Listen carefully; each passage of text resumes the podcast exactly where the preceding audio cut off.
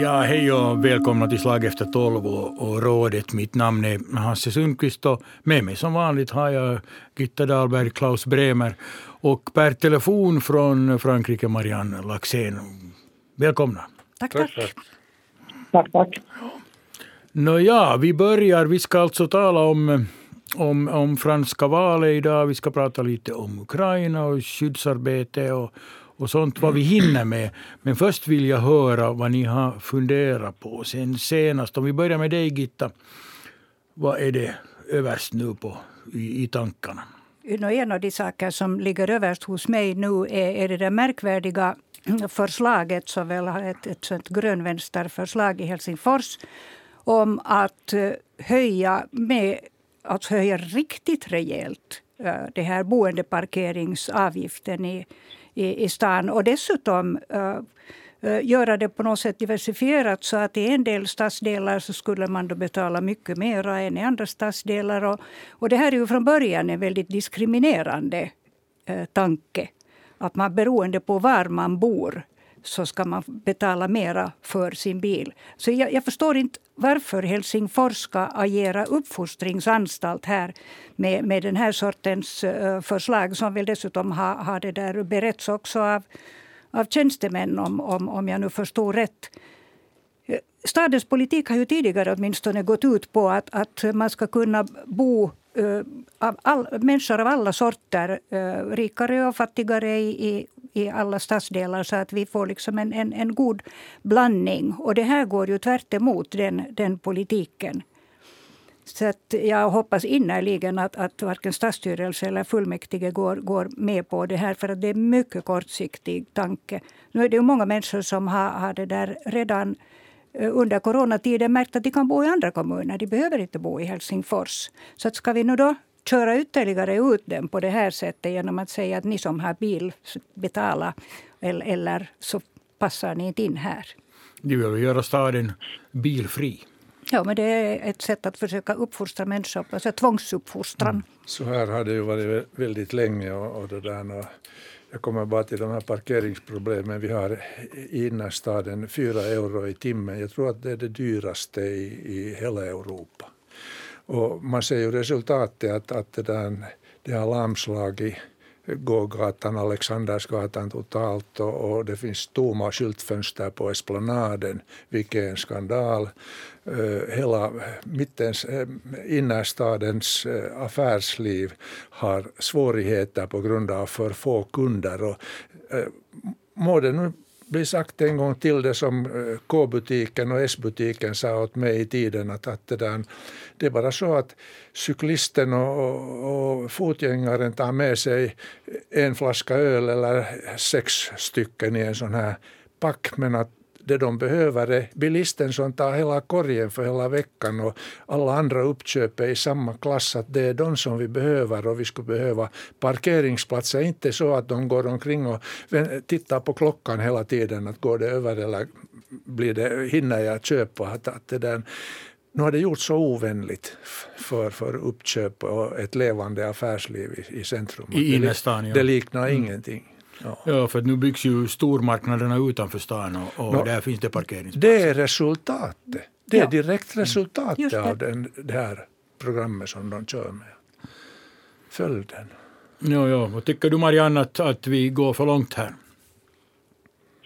Jag har inte, ärligt talat så har jag inte vetat om det här, det måste vara dag, dagens Ja, det är nytt, nyhet. ja. Men, Ja. men, men, men en stad som Montpellier där jag är nu och som är ungefär lika stor som Helsingfors med, med, med omnejd så har ju en, ett centrum där, där det är nästan omöjligt att köra med bilar och nu klarar sig folk här och inte de så stort, inte det så stort bekymmer som, som det låter som för Helsingforsborna när det gäller, när det gäller utbud av butiker och, och, och, och bu- butikskunder. här vill jag ju säga det att, att det där, eh, i Mellaneuropa är det mycket vanligt att man bygger en centrumtunnel och från centrumtunneln sen avvikande dit till till exempel under Gamla stan så människorna trivs i Gamla stan, går gatorna där och sitter och tar sig en öl på eh, kafeterian och, och utomhusserveringen och går och köper och åker med hissen ner till sina bilar. Men här har det ju gjorts omöjligt det också.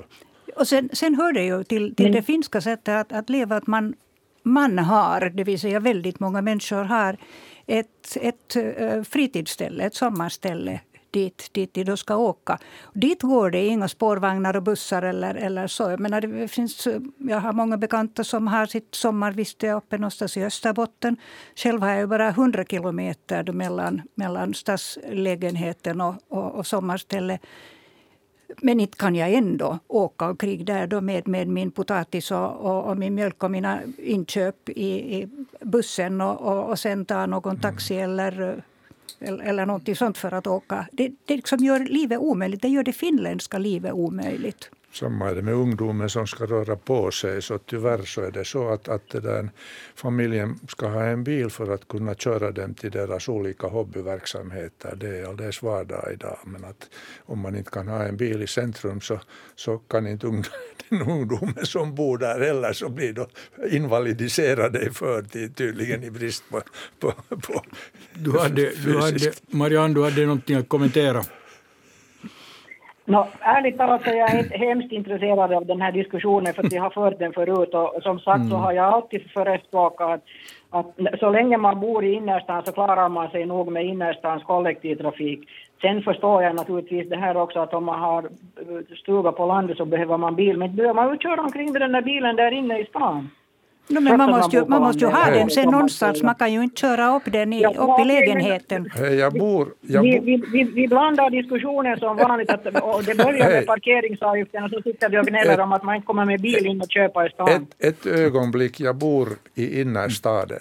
Om jag åker med, med buss och kollektivtrafik till jobbet i Haga så tar det en och en halv timme ena vägen. Jag hamnar och byta färdmedel.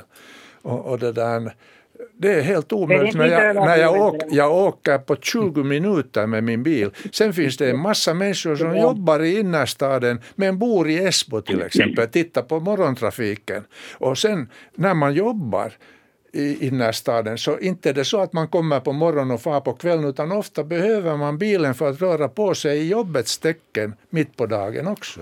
och barnfamiljer som ska köra sina barn till dagis, i synnerhet de svenskspråkiga här i, mm. i Helsingfors. Så det, det, är långa vägar. Så det... Ja, men vi har ju byggt ut kollektivtrafiken och metro och allting till Esbo och sånt så att, att det finns ju möjlighet att röra sig in till stan. Så ja, allt går 6 miljoner på förlust sedan HSL för några år sedan. 6 miljoner på förlust. Därför folk använder bilen den, istället. Nej, den går hela tiden på grym förlust. Och nu när elektrifieringen har kommit så, så, där, så tar ju staden och kommunen över all kollektivtrafik och mm. utvidgar den nu längs med till exempel 51 Marianne, längs din stamväg ända till Raseborg. Till exempel Ingo kommer ju att bli helt kommunalt eh, med kommunala busslinjer och, och det där. Alla privatföretagare dör ju döden nu för tiden i bussbranschen. Och, no, ja. och kollektivtrafiken gör minus. Ja, Den om... gör minus hela tiden. Ska vi försöka hålla oss till ett tema? Jag kan bara berätta, inte för att jag är så hemskt förtjust i Frankrike eller fransk politik eller någonting annat, men i den här stan var jag nu är så har borgmästaren, eh, som blev vald för några år sedan, har sett till att eh, spårvagnstrafiken fungerar här ganska bra och att den är gratis för under 18-åringar och över 65-åringar och det kommer att införas att det är gratis för, för alla invånare här så småningom och det innebär ju att människor kommer att använda sig av den här kollektiva, ja. kollektiva mm. spårvagnstrafiken på ett helt annat sätt än, än, än vad man gör när man hamnar och betalar så att det finns, det finns möjligheter nog att att locka människor till kollektivtrafik också. Ja, på Rivieran en, en och en halv euro och du får åka med spårvagnen, med bussen och med tåget så länge du åker åt ett håll. Naja, kanske, vi kommer, kanske vi kommer dit någon gång så vi har det billigt. Om vi går över till, till, till nästa eh, fundering och då är det Klaus, jag skulle gärna höra vad, vad som har hänt med ditt eh, bagagebråk. Ja, kort och gott åt alla, nya, åt alla nya lyssnare. Jag blev mm. utkastad från Norwegians flyg i Nizza för att jag påstods ha för stor väska för att mm. gå in i, i, det där, i, i flygplanet, alltså vid gaten. Jag hade då checkat in redan i taxfree-området. Och, och, det där, och nu har Norwegians pressoffice eh, bekräftat att jag hade alldeles rätt storlek. Att det var den här damen som checkade boardingcard och pass. Hon hade fel när hon påstod att jag ska, skulle ha en mindre. Och hon ville ju ha 40 euro istället för det officiella, den bot som Norwegian hade eh, satt upp 30 euro. Okej, okay, jag började kina där och det slutade med att jag blev utkastad på gatan. Med, med, med, jag ska inte gå in på alla mm. detaljer, men jag fick eh, från Norwegian ett, eh, ett eh, sån här sms att var jag nöjd med resan och där beskrev jag exakt vad jag hade varit med om. Efter det hade inte hörts inte ett knyst. Sen det där har jag skrivit min story till min egen tidning där jag har sagt allt vad jag har att säga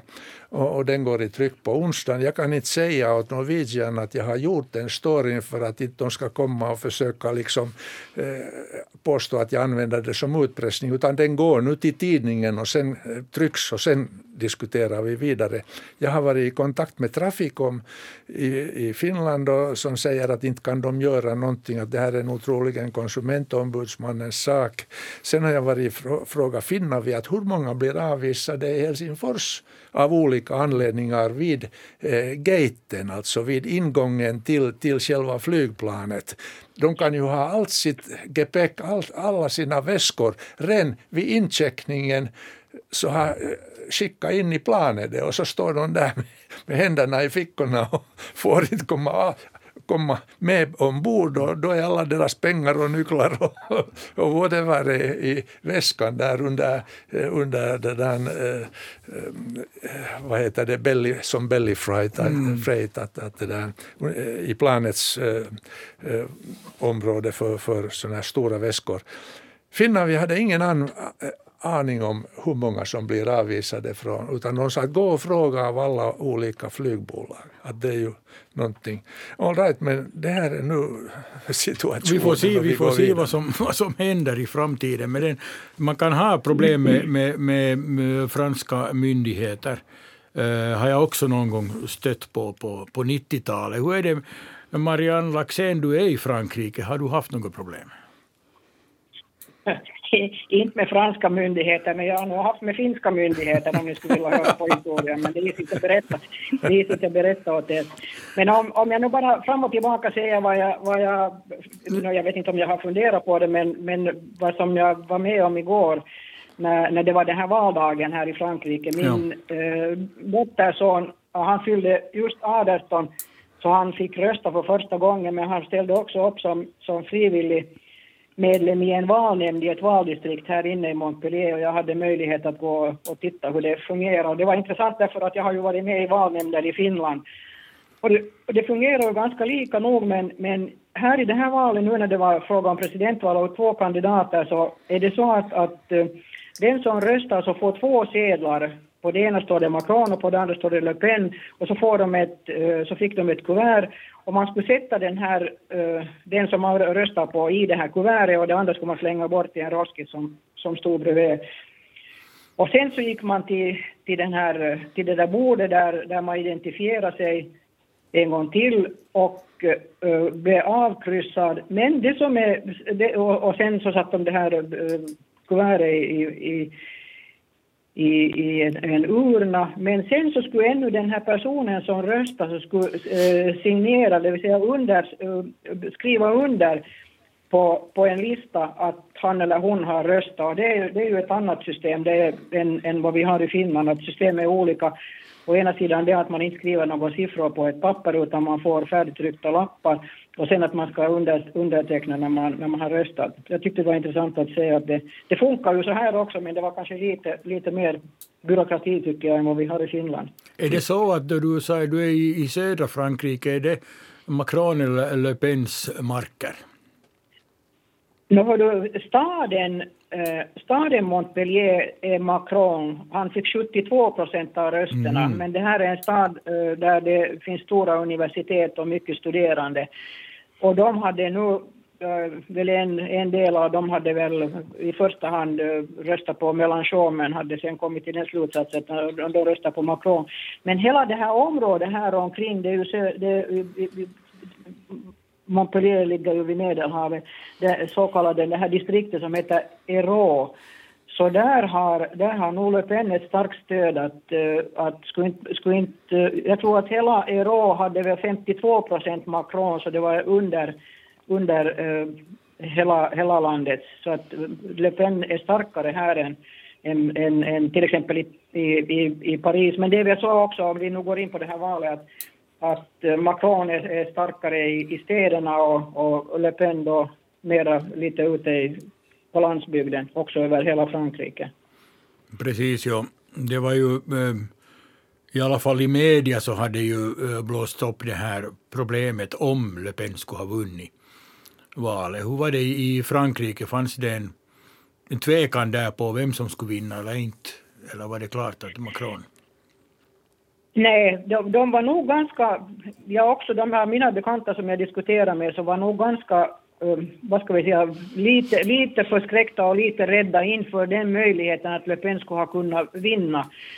Och jag, jag, jag, jag hade en diskussion här med en kille som hade, som hade röstat på Mélenchon och och, och han, han, han, han sa att han inte, han inte tänker gå och rösta men så så lyckades jag övertyga honom troligtvis genom att säga att, att det är inte bara nu fråga om Frankrike mer utan det är fråga om också EU. Att tänk om du har Le Pen som, som Frankrikes representant i EU. Och då tyckte han att det var ett bra argument så jag tror att han gick och röstade på, på Macron. Och det är många andra som har säkert har tänkt på det här sättet också. Men, men från Le Pens sida så var det ju inte alls frågan om, om EU utan hela tiden frågan om Frankrike. Det var hon, hon står ju för mm. fransmännen i Frankrike och inte någon annan.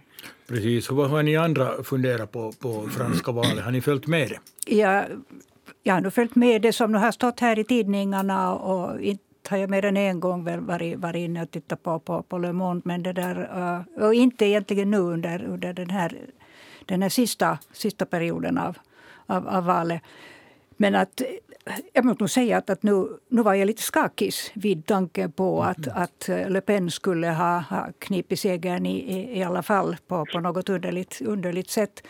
För att eh, det, det, hon, hennes planer på, på förändringar av, av grundlagar och annat sånt där, så de, de är ju nog väldigt illavarslande. Att, att, att, att måtte nu fransoserna förstå att, att inte hoppa på det där som många amerikaner med, med Trump. Att det, det, vi såg ju vart det kunde leda och, och, och i Frankrike så det, det skulle betyda väldigt, väldigt mycket för eh, väldigt mycket illa för Europa och naturligtvis ända, ända upp till, till Finland skulle, de här tentaklarna ha. Mm. Det fanns, det fanns ju andra svårigheter också med det där ovanligheter så här ur finsk synpunkt i samband med hur man väljer. Eh, Eh, man ska ju välja, man, man måste ju vara på plats så vitt jag har förstått, på sin hemort och gå till en viss eh, ska vi nu säga staden kan väl ha flera röstningsställen, mm. men man ska vara hemma och rösta. Man kan ge en fullmakt, men många har sagt mig att det är ganska besvärligt att få den där fullmakten. Att på det viset så kanske det skulle vara intressant att veta röstningsprocenten så där överlag. Att, att den, Ja, vad, vad, vad, vad, var den, sig. vad var den? Eh, ja, jag, kan, jag kan svara på det där med röstningsprocenten. Den var 72, den var 72 procent, så, så det var ju liksom, om vi jämför med Finland ja. så var det ju inte något dåligt. Men Nej. det var lite lägre, lite lägre än föregående, föregående ja. presidentval.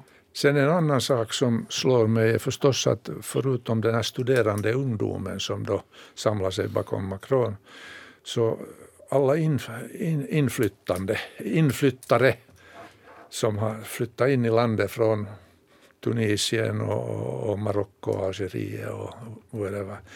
Så de var väl överlag nog på Macrons sida för att de var rädda för Le Pen och, och mm. hennes rasism, rasism som är ju ganska, mm.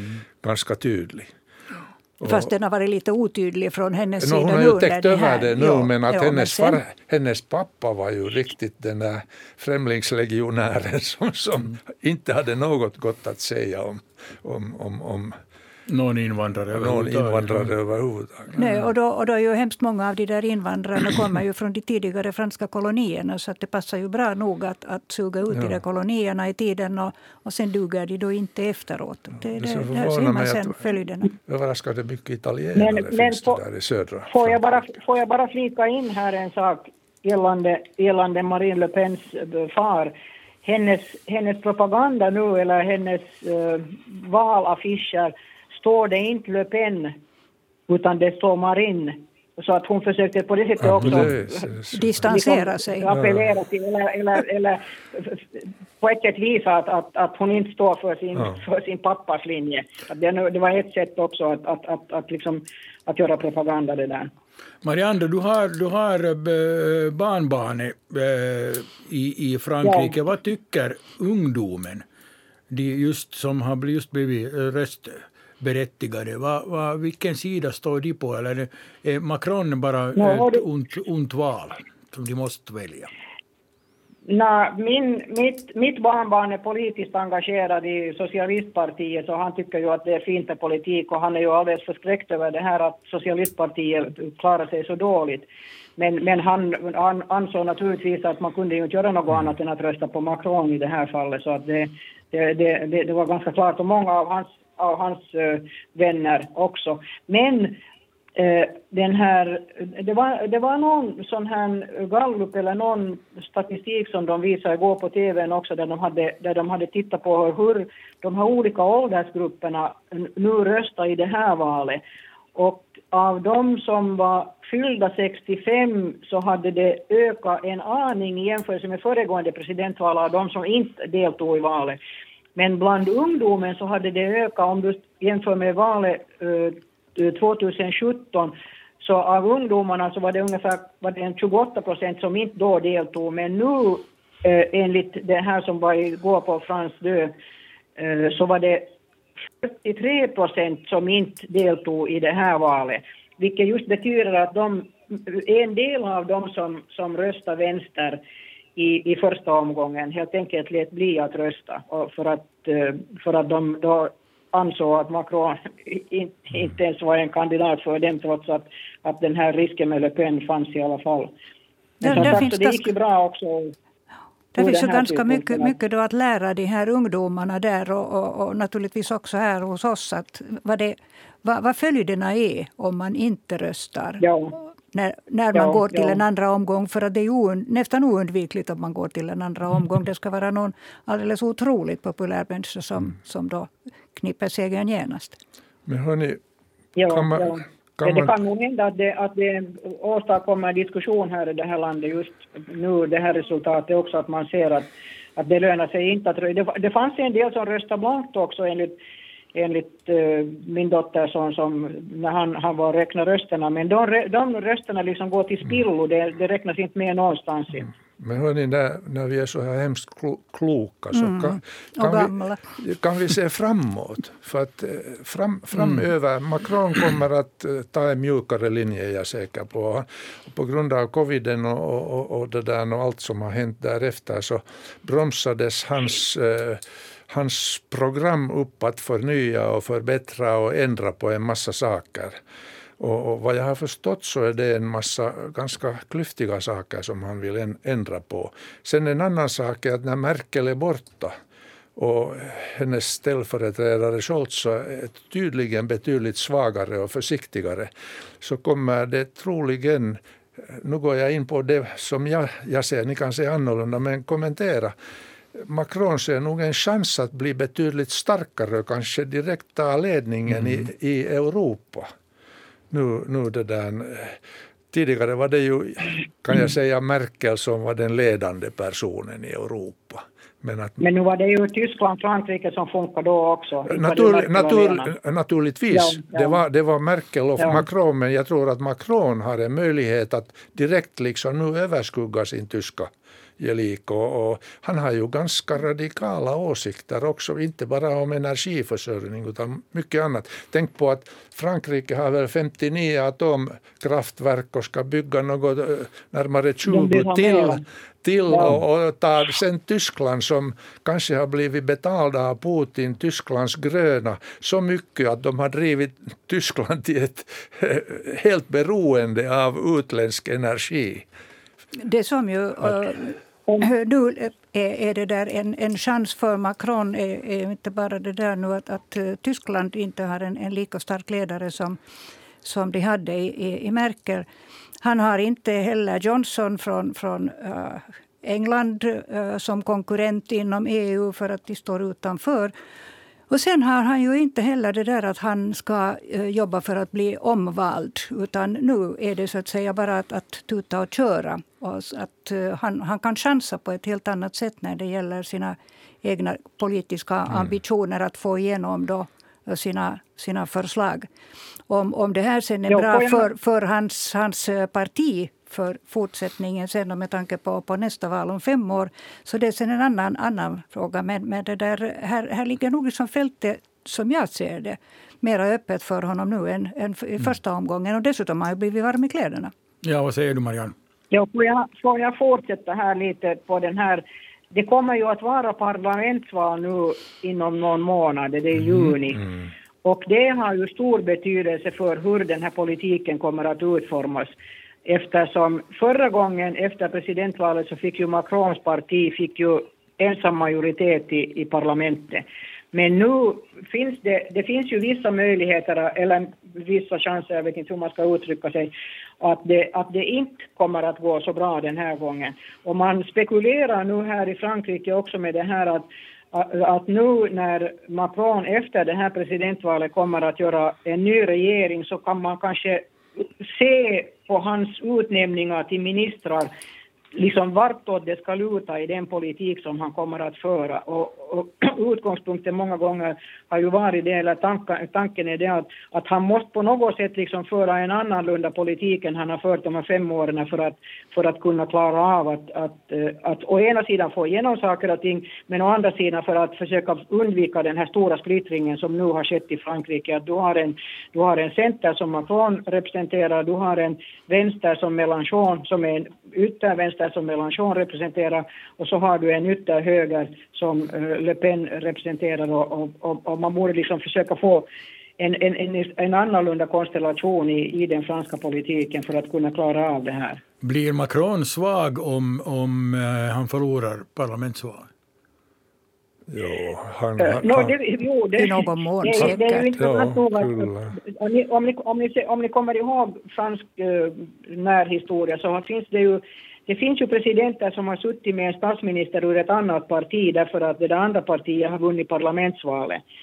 Men det, det, enligt, enligt det vad de, nu disku, diskussionen går här så är det, det, är ganska, det är ganska svårt att se att, att det, den möjligheten finns. Men den, den, det är en sak som naturligtvis de här, ska vi säga det här eh, Eh, moderata vänstern och moderata högern satsar på att komma tillbaka och de har stora chanser att komma tillbaka just därför att också, också kandidaterna eller parlamentsledamöterna eh, väljs enligt ett sånt här eh, majoritetsval. Att du har flera kandidater i ett distrikt och får, får, uh, får inte någon kandidat i första omgången uh, majoritet bakom sig så går man till en ny omgång. Och då är de som har fått över 12,5 procent så är kandidater där. Och det, på det här sättet så kan, så kan de här uh, partierna, då, både socialistpartiet och, och det här republikanska partiet få, få in en, en stor del parlamentariker, parlamentsledamöter invalda. Eh, om, om vi tittar på valet 17 så var ju Le Pen fick väl i presidentvalet fick hon väl 28 procent eller någonting sånt, men i parlamentet fick de in åtta stycken eftersom inte hon har någon, eller då i alla fall hade partiet inte någon, eh, inte någon lokal aktivitet så att det var svårt att, att, att komma in den vägen. Så det här systemet i det här landet är lite, eh, är, är lite svårt liksom att att eh, på grund av det så är det svårt att förutse hur det här parlamentsvalet kommer att eh, resultera. Precis, Men ja. som sagt, man får se lite vad, vad Macron tycker när han, när han utnämner nu nya ministrar så får man se vem, liksom vem han skulle vilja möjligen samarbeta med. Själv han satt, satt han ju som minister i en socialistregering. Så är det, ja. Vi får, vi får ju se hur, hur det går, men fem år sitter Macron i alla fall som som boss ja, det, i, ja. i, i Frankrike. Känner sig fransmännen nu då som kungar i Europa? inte tror jag det. Ja, inte man, man, man kan, jag, jag, jag är så jag, jag, brukar säga att man kan inte säga att fransmännen tycker si och så och finnarna tycker si och så. Det, det, det är frågan om personligheter sen i alla fall. Så att en del tycker, andra tycker inte. No, nu tycker de är ganska lika. Finnen säger i Finland att puhu suomea och fransmannen säger att Parlez français. Parlez français. och vill inte för, Möjligen med s'il vous plaît. Ja, vill inte förstå något annat. På det viset är de ju lika. Ja, det, har nog, det, har nog, det har nog ändrat sig, hördu. Det har nog ändrat sig. Här klarar man sig med engelska om man vill. Säger du det? Yes. yes. No. No, Nåja, om, vi, om, vi, vi har, om vi lämnar det franska valet och, och sånt och går över till eh, situationen nu kvickt här i, i, i Finland med, med, med strejkerna som eh, ligger på och skyddsarbete och massuppsägningar och sånt. Vad säger ni om Får vi någon ordning på det här? Nu pappersarbetarna är tillbaka på jobbet åtminstone. Men nog tog det tid. Ja, de gjorde ett bra, ja, nu bra är det, beslut. Nu är det illa vald tidpunkt att börja gå, gå i strejk. Vi, vi blir bara mer och mer skuldsatta här. Ja, jag, jag, jag är nog uh, väldigt, väldigt bekymrad vid, uh, vid tanken på att, att de här sjukskötarna skulle drivas så långt av sina ledare strejkledare att de skulle uh, säga upp sig. Och, och, och, och, den här, hela idén var att de uh, skulle be, begära att, att deras behörighet dras tillbaka. Så det kan ha långtgående följder för de här uh, individerna. Att det kanske man i, i, i stridens hetta och en viss eufori, liksom, att nu ska vi ge dem så, så kan sen kanske innebära att, att de, de liksom får de får lida av det själva alldeles, alldeles i, i onödan. Så att jag, jag hoppas nu innerligen att de ska kunna komma fram nu till en, en, en kompromiss så att vi, vi slipper se liksom det där eländet som det föra med sig. Både, både om strejken utvidgas och, och, och skyddsarbete inte utförs i, i den utsträckning som det behövs för att hålla människor vid liv. Det finns inte, det, det sitter ju en sån här, nu kommer jag på det svenska ordet, men sovittelulautakunta, ja, vad heter ja. det på svenska? Förliknings Vad heter det på svenska?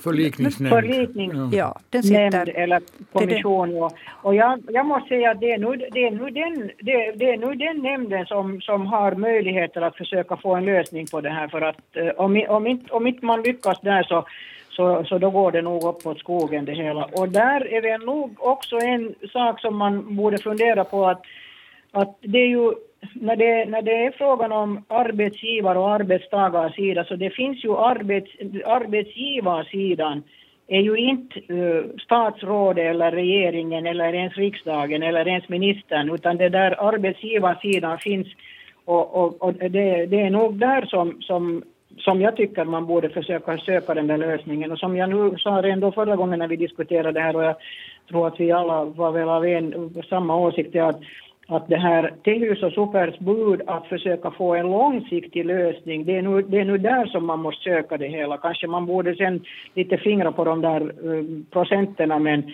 men, men ingenting löses med en tvåårig, med ett tvåårigt avtal. Det ska, det ska nog liksom siktas på längre sikt det här. Ja, men på, te, på Tehus sida så, så säger du ju absolut att det är pengar, pengar kan det, det, kan de inte röra, där går de inte med på, på någonting. Och det är nu sen de skrivna texterna som handlar om, om andra saker, om, om eh, förhållandena på arbetsplatserna och, och, och, sånt.